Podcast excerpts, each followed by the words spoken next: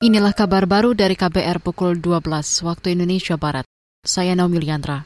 Bank Indonesia meluncurkan layanan KRIS tuntas di momen peringatan kemerdekaan Indonesia 2023.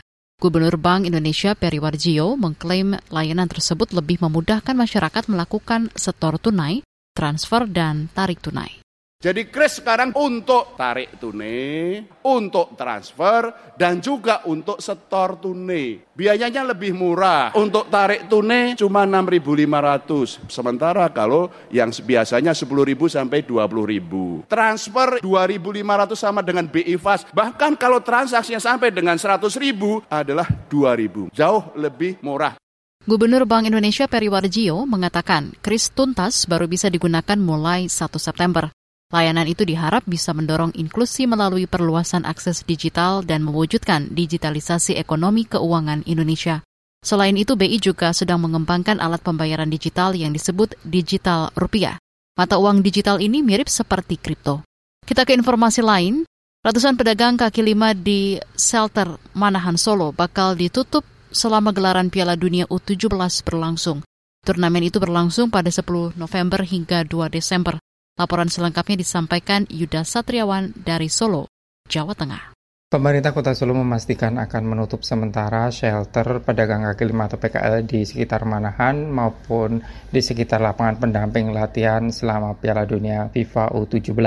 Wali Kota Solo Gibran Raka Buming Raka mengatakan Pemkot menutup shelter Manahan dan lapak PKL sekitar lapangan pendamping bersifat sementara dan hanya untuk event Piala Dunia U17 di Solo saat berlangsung saja. Nanti akan ada arahan lagi dari Pak Ketua Umum dan Terkait nasib PKL Manahan juga tutup nggak mas nanti mas? Pas event saja. Berapa lamanya nanti ya? Sudah dikomunikasikan sama PKL Kota Pati dari tahun lalu Pak. Ya. Kota Barat juga berarti mas? Semua. Ya, tapi nanti kami informasikan lagi ya nggak masalah. Oke. Gibran menjelaskan aturan itu sudah disampaikan kepada paguyuban PKL saat Piala Dunia FIFA U20 lalu yang juga batal digelar. Ada sekitar 300-an PKL yang saat ini berjualan di kawasan Stadion Manahan dan 4 lapangan pendamping untuk latihan jelang Piala Dunia U17 Indonesia. Dari Solo, Jawa Tengah, Yuda Satriawan, KBR.